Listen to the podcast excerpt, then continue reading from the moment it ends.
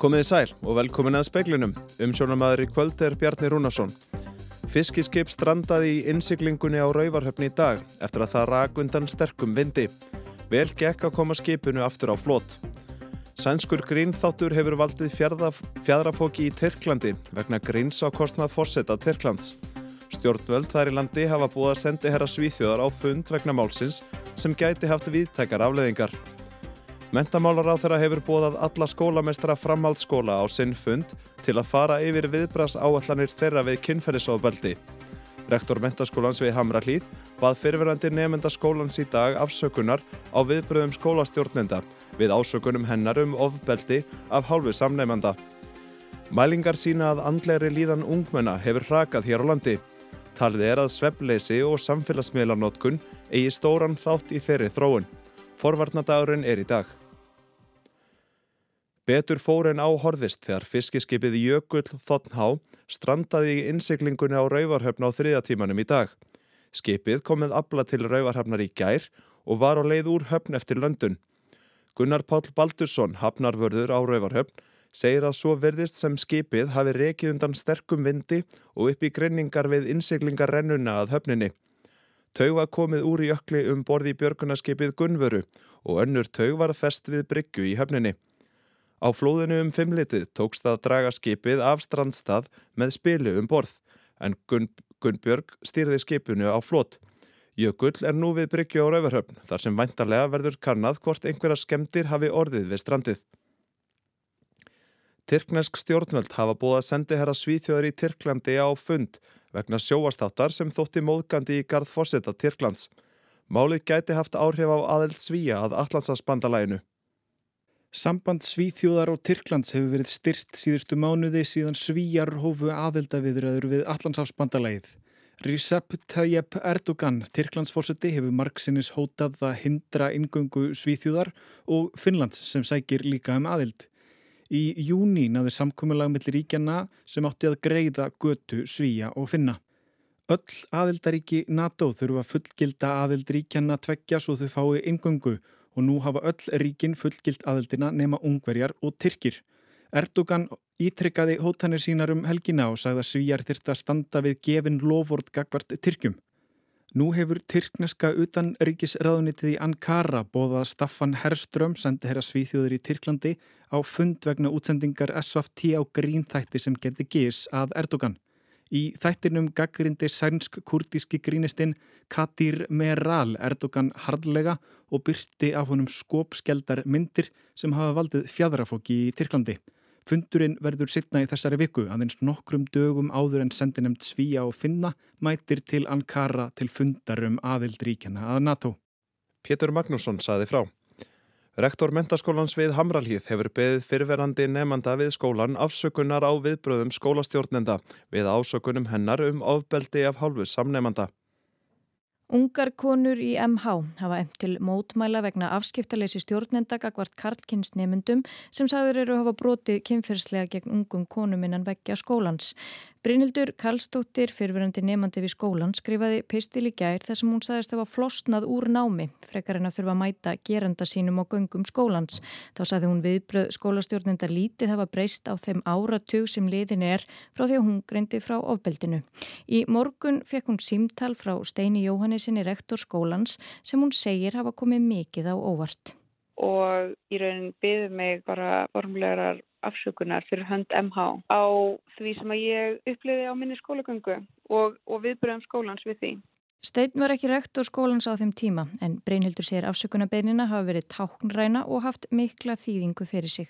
Eitthvað svona smá, bara uppreist æru fyrir þessa 17 ára stelpu sem að einhvern veginn var ekki tekið marka og ekki, ekki, réttlæti í sínu máli. Að, að það sé einhver sem að einhverju sem finnist að leiðilegt og einhverja fullotna fólkinu sem að hefur eitthvað völd og stjórnar sem að tekur það til sín mm -hmm. og fyrst afsökunar það. Þá er henni bóðið að segja sína sögu á fundi með skólastjórnundum og ræða þar þá byltingu sem nú á sér staðinnan skólans. Hefur frekari trú á eitthvað breytist núna þegar kemur að því hvernig svona mál eru tækluð? Ég vona það innilega. Það sem að krakkarnir í MH er að, er að gera líka ótrúlega áhrifamikið trú ég og skólastjórnendur eru í sam, samskiptum við fagfólk í þessum málum. Hva, hvað sé þetta að gera til þess að hlúa að þólendum og náttúrulega komið vekk fyrir ofbeldi. Mér finnst þetta ákveðin sigur þessi afsökunarbeginni en auðvitað er stríðið miklu stærra. Saði Brynhildur Karlsdóttir, Solveig Klara Ragnarsdóttir talaði við hana og við þetta má bæta að nú síðdeis sendi mentamálar á þeirra frá sér tilkynningu þar sem hann segir að hann hafi bóðað alla skólamestara framhaldsskóla á sinn fund til að fara yfir viðbras áallanir þeirra við kynfyrirsofbeldi. Hér að saksóknari hefur ákert Karlmann á sjötugsaldri fyrir tilraun til manndráps vegna skótarásar á miðvangi í Hafnarferði í lók júni. Ákjæran hefur verið þingfest í hérastómi Reykjanes en þingaldið var lokað. Saksóknari fer fram á að maðurinn verði dæmdur til erfsingar en til vara að honum verði gert að setja öryggisvistun. Brótaþólanir í málinu eru tveir og þeir krefjast þess að maðurinn verði dæmdur til að greiða þeim samtals 8 miljónir. Umsátrið á miðvangi vegna skot árásarinnar stóði drjúan tíma. Á þriðja tug lauruglumanna komað aðgerðunum auk sérsveitar ríkislauruglustjóra.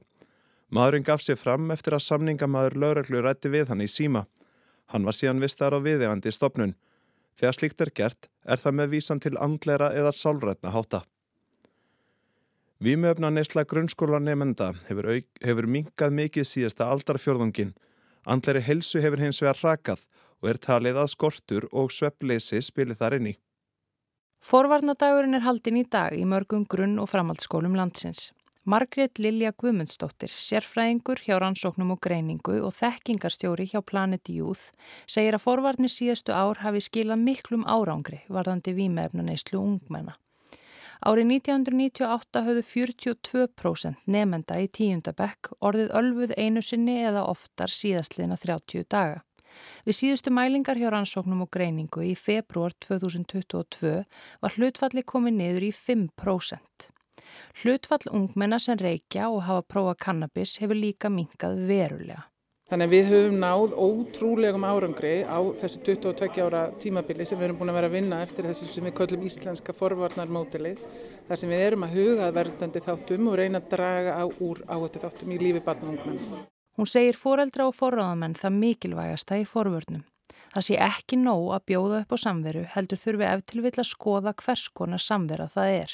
Hvort hægt sé að gera betur með því til dæmis að leggja frá sér tölfur og síma. Skipulagt íþrótta og tómstundastarf skiptir líka miklu máli sem og almenn veljiðan innan og utan skóla auk jafningjahóps.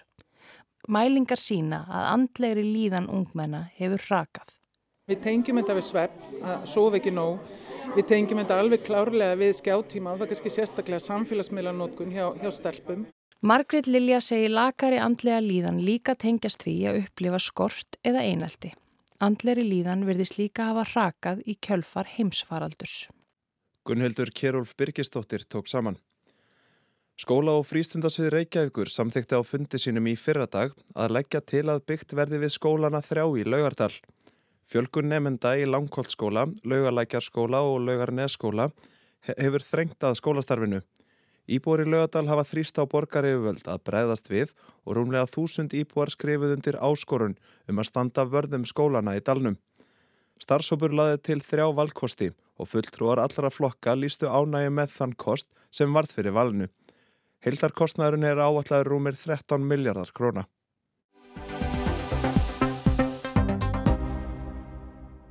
Eins og fingri væri smelt var kostningabaráttun í Danmörku komin á fullt skrið nánast um leið og Mette Fredriksen greindi frá því í morgun að kosið yrði til þings í landinu 1. november.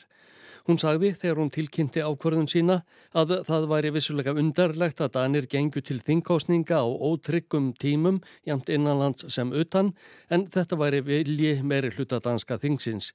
Því hefðun farið á fundi Margreðar Þórhildar drotningar í morgun og tilkent henni að kostningar væri framundan. Og derfor har jeg i dag meddelt hendes majestæt dronningen, at der udskrives valg til Folketinget. Og nu ber vi om et fornyet mandat tirsdag den 1. november, hvor Danmark skal til valg. Mette Fredriksen og jafnaðarmannaflokkur hennar hafa verið við völd í Danmörku frá sumrinu 2019 með stöðningi flokka á vinstri vagnum. Hún notaði tækifærið þegar hún bóðaði til kostninga að fara yfir það sem hefur áunnist og hvaðst í heldina vera ánað með árangurinn. Núna sagði hún að Danmörk og heimurinn stæði frammi fyrir miklum erfileikum. Því værið að hennar áliti komin tími til að Danir prófuðu annað stjórnarform en hefði týðkast hinga til að flokkar báðu megin við miðjuna mynduðu ríkistjórn til að takast saman á við erfileikana. Hún hvaðst tilbúin að stýra slíkri stjórn. Så er tiden kommet til at afprøve en ny regeringsform i Danmark. Et mere forpligtende politisk samarbejde. Det vil vi gerne stille os i spidsen for. En bred regering med partier fra begge sider af den politiske midte. Á fundi með frettamönnum í köge síðdegis eh, hvaðst Mette Fredriksen vera forsættisar á þeirra efni síns flokks og að vegna reynslu sinnar síðastliðin þrjú ár væri hún best til þess fallin að vera við stjórnvölin áfram. Letóar hægri flokkana, íhaldsflokksins og venstri voru aldils ekki á sama máli. Sören Papi Pólsen, eh, formaður íhaldsflokksins, útilokaði að fara í stjórn með jafnaðarmönnum og Jakob Ellemann Jensen, formaður venstri, tók í sama streng. Honum þótti Mette Fredriksen reyndar hafa staðið sig illa við landstjórnina síðustu ár. Danmark har ikke råd til fire år mere med Mette Frederiksen. Den går ikke længere, og vi skal en anden vej. Jakob Ellemann Jensen sagðist ávalt hafa staðið keikur þegar á móti blés. Hann væri ekki vafa um hver væri hæfastur til að stýra næstu ríkistjórn borgaraflokkana. Hann væri til þjónustu reyðibúin ef kjósendur vildu veit honum brautargengi. Jeg har stået fast, når det har blæst, og øh, jeg skal hilse at sige, en gang imellem, så har det også været en stiv kuling, der blæste. Og jeg er klar til at lede Danmark, hvis danskerne vil det. Jeg er klar til at lede danskerne igennem krisen, sammen med de andre borgerlige partier. Danir gengu síðast til þingkostninga 5. júni 2019. Að óbreyttu hefðu þeir ekki þurft að kjósa til þings að nýju fyrir enn í júni á næsta ári. Einn af stuðnísflokkum ríkistjórnarinnar, Radikali Venstre, hótaði því hins vegar síðastliðið sumar að leggja fram vantrustillögu á stjórnina ef ekki er því bóðað til kostninga í síðasta lagi þegar þing kemi saman að nýju 4. oktober. Þetta gerðist eftir að lögðar fram skýrtla um minkadrápin í Llremdu í Danmörku þar sem stjórnvöld og ekki síst forsættisaróþurann hefðu gert alvarleg mistök. Mette Fredriksen setti þingið í gær og talaði í rúmar 40 mínútur um vandamálinn sem stedja að í Danmörku, jant sem Erlendis og hvaða verkefni býði ríkistjórnarinnar næstu mánuði. Allir hlustuðu og byðu þessi ofvæni að hún bóðaði til kostninga. Hún nefndi þær hins vegar ekki einu orði. Og þegar hún rétti við frettamenn eftir þingsetninguna var hún þrá spurða því hvenar yrði eiginlega kosið en hún hló bara og sagðist að það stittist í þar. Det lyder ikke kun som en åbningstale, men også som en, en valgtale. Hvornår kan vi forvente at skulle mere officielt i valgkamp? Må ikke øh, det nærmer sig? Er det i morgen? Må ikke det nærmer sig? Hvad skal du i morgen? Hvad jeg skal i morgen? Jeg, jeg, jeg skal... det kan man da ikke spørge mig om. Jeg skal have flere forskellige ting. Fjórir dansku flokkana emdu til fundar með fréttamönnum eftir að tilkynnt var hvenar emtir þið til kostninga. Á fundi með Sofí Karsen eh, Nílsen, formann í Radikali Venstre, var þess beðið í ofvæni hvern flokkurinn vildi sjá sem næsta forsætisráþara Danmerkur. Jú, flokkurinn líst yfir stuðningi við Mette Fredriksen sem leiðtóa breyðfylkingar, rauðra og blára flokka. Slík stjórn væri best til þess fallin að koma þjóðinni úr krökkum af völdum orkukreppu og vaksandi verðbolgu. Vi peger på Mette Frederiksen som statsminister for en bred regering, der består af både såkaldt røde og blå partier, hvor vi sætter barn højere for de politiske løsninger, fordi vi står et helt andet sted i dag, end vi gjorde i 2019. Der skal mere til. Áður en Mette Fredriksen tilkynnti í dag um þingkostningar 1. november spurðist að jafnaðarmenn væri búinir að tryggja sér heilmikið auglýsingapláss í dansku frettablöðunum.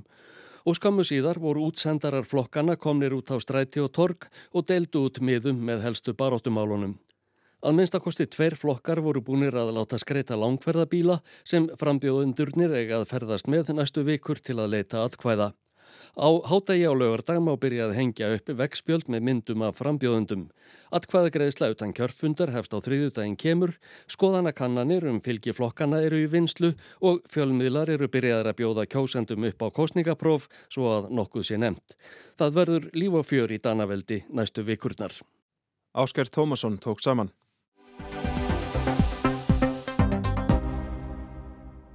Stýrivextir hækkuðu í morgun um 0,25%. Þeir eru nú komnir í 5,75% og hafa ekki verið herri síðan 2016. Í yfirlýsingu peningastefnu nefndar segir að þrátt fyrir að verðbólka hafi hjaðnað frá ágústfundi nefndarinnar, hafi undirlegjandi verðbólka og óvisa hins vegar aukist. Greinendur spáðu því að stýrivextir yrðu hækkaður um 0,25 til 0,5%. Verðbólka er langt yfir markmiði Sælabankans um 2,5% verðbólku, mælist nú um 9,3%. Ásker Jónsson Sælabankastjóri vonar að þetta sé seinasta stýrivexta hækkunin en bankin hefur hækkað vexti í seinustu nýju stýrivexta ákvörðunum sínum. Hann segir að áhrifa hækkana stýrivexta sé farið að gæta hér á landi en efnahagshorfur utan landsteinana gefi tilöfni til að vera á Varðbergi. En hvað kallar á hækkun stýrivexta nú? Haugur Holm rætti við Ásker Jónsson Sælabankastjóra. Ég það er ándur að verðbólka er uh, ennþá á, hún er 9,5 3% þannig að við telum hvort þurfum aðeins að bæti aðaldið en á saman tíma þá sjáum við að verðbólgar ganga nýður og við vonum að þetta verið síðasta vastahækkum Sælabankans í þessu verðli. Þannig að þó verðbólgan sé á nýðuleið þá er það ekki nóga eitthvað mati til að sleppa vastahækkum núna? Nei, við þurfum að sjá til. Núna um, verðbólga er ennþá há, verðbólgvæntingar eru ennþá háar en þetta er alltaf réttir leið og núna eru við að gefa bóltan til, til þjóðurinnar um það að, að við getum unnið saman því að ná verðbólka niður. Hvort að þjóðun geti þá stutt okkur því að þurfu ekki að hækka vexti meira og þegar ég tala um þjóðuna þá ájú við um, um þá aðeila sem hafa umbáð fyrir þjóðunni einhverju leiti eins og aðeila vinnumarkaðarins, atvinnulífið og í rauninni ríkis fjármálum. Sýnist þér vera sami skilningur þar og hér? Já og nei. Um, ég held að hérna, okkur hafi farið mjög fram á Íslandi að átt okkur á nöðsum þess að berjast í verðbólku en ég minnum það að þessir aðlar þurfu líka að svara til þjóðurinnar. Með að við tónin í verkefnisreifingunni það sem hefur heyrst eða til þessa finnst þið líklegt að, að þeir sé að gangi takt við þann takt sem að þið viljið að hafa? Ég held að þessir aðlar hljóta hugsa um hagsminni sína, sína umbjóðunda og síðan hagsminni þjóðurinnar og þeir muni þurfa svara til hennar þannig að ég hef enga trú öðru eftir um það að þeir muni koma með okkur að þessu verkefni. Ríkisfjármálan eins og nefndir líka eru stór partur af þessu sínist er með að við fjárlega frumvarpið að, að þar sé lítið menn söm augum á þetta? Já ég held það sko, það er, það er allt í rétt átt. Um, Ríkisstjóður tók á sig mikla byrðar vegna faraldusins um, og tókjurinn eitthvað högg, tók þar höggið á heimilónum eitthvað liti. Það er verið að vinda ofan að því og það er allt rétt átt. Gengur hægar heldur við um séð en, en, en við teljum að ríkistofni sé alveg gangi í taktu það sem við, við erum að gera. Nokkuð hefur hægst á húsnæðismarkanum senustu vikur og mánuði með að við það sem var. Eru stýravakstahækkanir bankans farnar að kæla markaðinn? Já það er þannig að sko náttúrulega við hækkuðum vextum í skartisumar. Um, það hefur verulega áhrif á fastamarkaðin. Ég líka ljósið þess að það eru komið núna nafnastarlán sem eru ráðandi og ég held að þessi ástæðan fyrir okkur markaðin líka rauksnáma stað er rauninni þessi nýjung að fólk gæt fengið eh, nafnastarlánu á ásættilegum kjörum.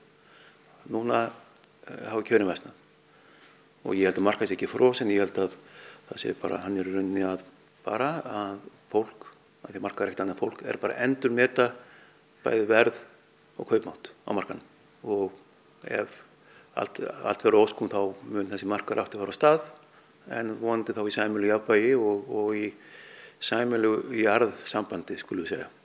En með hvernig staðan er á, á fasteinumarkaðan núna, þessi verðbólka sem við erum að kljást við, er þetta þá fyrst og fremst innblöðt verðbólka? Nei, það sem við núna erum með við er eitthvað sambland af þessu þrennu, annars verður uh, verðbólka sem kemur beintan á fastamarkaði með hvernig vístalandi mæld. Eitthvað lítur líka raunakerfið í Íslandi, það við gengjum við vel hjá okkur á þessu ári, mikil háistur, það kemur fram uh, allstaðar en svo er það eh, líka eitthvað leiti influtvörflöka sem er að líka núna snúa, olíverðar er að lekka aftur og það er, er eitthvað leiti bóti harmi að um leiðu það hægir á umsýðum úti, Európu, Kína eða annar staðar, þá lekkar hráurveð sem kemur okkur vel. En, en við, svo lengi sem það er svona mikil verðbólka úti þá lendur við því að þurfa að flytja inn að eitthvað leiti Hvaða ári hefur þetta ástand úti til dæmis á bara útlýtt með hagvöxt hér á landi? Það mun öruglega leiði til þess að það verður minni hagvöxtur í Íslandi. Því við erum hér lítið opið kerfi, eh, bara eiga hér í Allandsafi. Við lifum því að selja þessum þjóðum alls konar, já, ákveðna hluti og kaupa þeim líka alveg konar hluti. Þannig leiðu okkar helstu útlunningsmarkaðir, leiðu þeir kólna eða, eða lendi í vandræðum, þá hefur það áhrif okkur og hefur áhrif á hagvöxt eins og, eins og hefur alltaf verið. Hvernig metur verðbólgu horfurnar? Hvernig hefur þú að þetta komið til maður að þróast? Mitt mati það að verðbólgu núna sé á, leiðinu niður. Ég held núna að kólnum fastnamarkarins verði líkil þáttur í því að ná vístölu neyslu verðis niður. Ég meta líka þannig að einhver leiti að, að aðstæður úti munu dragur hafist í hér og við á móti en um, það er sem margt óhænt sem getur gerst. Við núna stöndum bara hér álutum það að eftir það sem við hefum gert sem við ná miklum árangri í að beita vöxtum á samt öðrum tækjum hér í þessu húsi í Sælabanka Íslands. Og núna vonum við til að þetta sé nægilegt til að tryggja mjúkulendingu og verðbólka gangi niður. En það er ekki að segja þessi örugt, það er mikil óvisa og við stöndum síðan reyðbúin þess að bregðast við, bæði til þess að hækka vexti, en þá meira, og inn til þess að lækka á ef, ef hlutinu fara verð. Eina það sem við, það sem við viljum fá er rauninni að tryggja stöðuleika í íslensku atvinnulífi og verðbólku. Þú lístir hérna ákvæðan ykkar hafi skilað árangri, horfiru bjart sýtni fram á veginn núna heldur hún gerðir fyrir kannski halvu ári eða, eða ennþá fyrr? Ég, ég, er, ég er alltaf bjart sýtna eðlisveri. Já, bjart sýtna því leiti, sko bjart sýtna hvað var að verðbólkuhorfur. Þetta er að ganga betur en henni heldur en sjálfur hafi bjóstuð að ná verðbólku niður. Um, ég sagði kannski meiri svart sýtni hvað, hvað var þar efnagslífið uh, út af því að með þau hvernig, hvernig hlutin er, er, er að þarna ganga úti. Ég er bjart sýtna því leiti þetta við gengið mun betur hjá okkur heldur en við höfum búist við og, hérna, og bara mjög sjálfsjálf, mjög góður árangur. Saði Ásker Jónsson, Haugur Holmrætti við hann.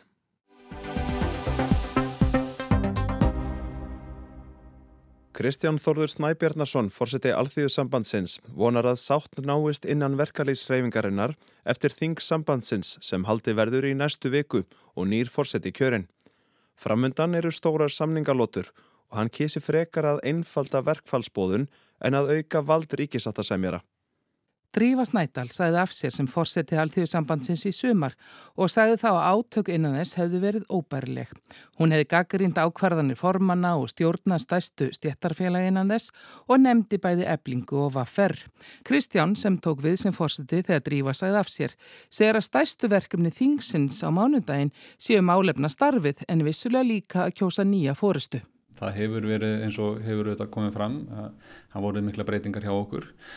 Það er svona kannski auðvitað veiga mesta atriði sem að verður á þinginu. Því til viðbótar er síðan þetta málefnastarfið að, að þinga þessi er aðista vald sambandsins og þarna setu við þetta stefnu sambandsins til lengri tíma litið. Næsta kjörtímabils hefur minnsta. En hvað áhrif hafa átökinn haft á störfa þessi? Ég bindu þetta miklar vonir við það að okkur takist að uh, skapa meiri ró innan sambandsins. Þetta, auðvitað, þetta hefur farið tölvert mikil orka í svona þessi átök inn á við og mín hugsun er svo að við eigum auðvitað að taka hérna, baróttuna uh, við viðsemdur okkar og vinna hagsmunum okkar fólks og það er auðvitað langt best að gera það út af við. Ég vona svo sannlega okkur auðnist að ná meiri sáttin í framtíðina þannig að við þéttum ræðirnar frekar og styrkjum sambandið til lengri tíma litið. Það er komið eitt frambóð í fórsta, það er Ragnar Þór Ingólfsson formaðið Vaffer sem núna er varfórsta allþví sambandsins áttu von og fleiri frambóðum og sjálfur hefur sagt að þú ætlar ekki ekki ákvæmsta. Auðvitað maður veit ekkert hvað gerist, frambóðsfrestur rennur út á þinginu og, og það get alltaf komið fleiri frambóð Við þurfum að þetta bara vera ofinn fyrir því og það eru þetta bara svona þessi líðræðislegi réttur að fólk geti gefið kost á sér. Eins og staðin er í dag að þá ger ég svo sem ekki ráð fyrir að verði fleiri frambóð í fósetta ennbættið. Ég hef ákveðið að gefa ekki kost á mér í fósettan, hins vegar hef ég ákveðið að gefa kost á mér í fyrsta varafósetta aftur. Sökans að ég tel að sé bara mikilvægt og gott að fá að taka þátt í þessari baróttu þarna En hvað gerist auðvitað er ómögulegt að segja til um. Það er bara, það kemur ljós. Á fundi samtaka atvinnlífsins í síðustu viku var talað um og ekki fyrsta sinn að það þyrta einfalda íslenska vinnumarkað. Samningar séu til dæmis allt of margir. Kristján Þóruður tekur ekki endilega undir þetta. Auðvitað hafa samtök aðdunir ekkert að tala fyrir því að reyna að einfalda fyrirkomulegið og það eru auðvitað þeirra hagsmunir að reyna að gera þetta einfaldara fyrir, fyrir samtökinn. Ég sé ekki að það sé endilega eh, veikleiki fyrir íslenska vinnumarka að hafa þessa uppbyggingu eins og er í dag. Það eru sóknarfæri auðvitað fyrir líka stjættafélagin að sækja fram bæta kjör fólksins með þessu fyrirkomulegi. Á sama fundi SA var rætt um vilja til að ebla ennbætti ríkisáttasamýra svo hann hefði ríkara vald til að stíga inn í deilur til dæmis þegar bóða hefur verið til verkvalls. Almennt þá erum við svo sem ekkert eh, miklu talsmenn þessa að, að ríkisáttasamýra hafi sterkari völd sem slík. Um, hann eru þetta til staðar fyrir samningsadala til þess að, að eh, hjálpa til við að reyna að koma samningum á draga hópana saman og auðvitað á ákveðinu tímapunktum eh, skiptir að máli fyrir okkur að hafa þetta embatti og að það séu þetta stert að því leiti. Sátta sem eru hefur ríkar heimildir í dag til þess að knýja á um að fólk siti við samningaborðið, hefur heimildir sem að hann hefur kannski ekki nýtt, embættið hefur ekki nýtt sem slíkt eh, um langt skeið að draga fólk meira að borðinu umræður um eblingu eða hvernig við getum styrt þetta ennbætti, það, það þarf auðvitað að gerast í samtala á milli þá samningsaðala, hvernig viljum við gera þetta. Mín skoðun persónulega er svo að við þurfum svolítið að fara yfir þetta ferli gagvart verkfallsheimildum félagana, bara með hvað hætti verkefælisfélög geta farið í átök og það er eiginlega sennilega í hínáttina við það sem að samtöku aðvölinsins vilja. Við viljum, að ég myndi vilja að félögin getu á einfaldri hátt gripið til aðgerða. Þetta sé ekki ja, sveifa sent og flókið ferli eins og er í dag. Sökum þess að þetta ferli eins og við búum við í dag þar sem við þurfum að fara í mjög stífan feril, gerir það verkum að samningsviðræður standa lengur yfir en ella í staðis að við eins og á Norðurlöndum að þar, er, þar eru heimildir verkefliðsfélaga til þess að ákveða eh, hvenar verkvall hefst án þess að fara í atkvæðgreðslur á meðal félagsmanna. En það gerir það líka verkum að ægin er mun meiri sögum þess að það er ekkert verið að láta þess að viðræðu dragast á langin og ég held að það séu þetta svona atriði sem að skipti máli til þess að bæta stöðuna sem að við, ég held að megi gera til þess að já, gera það kerfi skilvirkara Það er verðbólka og þenslumerki sjást víða. Samtök atvinnulífsins segja lítið svigurum til launahækana í komandi samningum. Það verða forðast samspil verðbólku og launahækana sem kent hefur verið höfrungarhlaup og Seðlabankastjóri hefur brínt aðila vinnumarkaðinins til að leggja baróttu verðbólku lið. Ég held að þetta, þessi umræðum höfrungarhlaup séu þetta ofta á, á, á ákveðnum villigötum. Við auðvitað erum í þeirri stöðu núna í dag að verðlagi er að hækka mjög mikið, verðbólka er há, eh, er sem betur fyrir fann að, að lækka aftur og ég held að það, muni, það ferli muni halda áfram. Hins vegar eru við að sjá núna að stjórnvöld eru að bæta í e, hækkanir á ymsum gjaldskrárliðum hjá sér sem eru til þess fallnar að auka við verðbólku að því að ríkið er að sækja sér ákveðna leðréttingu á, á gjöldum sem er til þess að jafna verðbólku liðins tíma.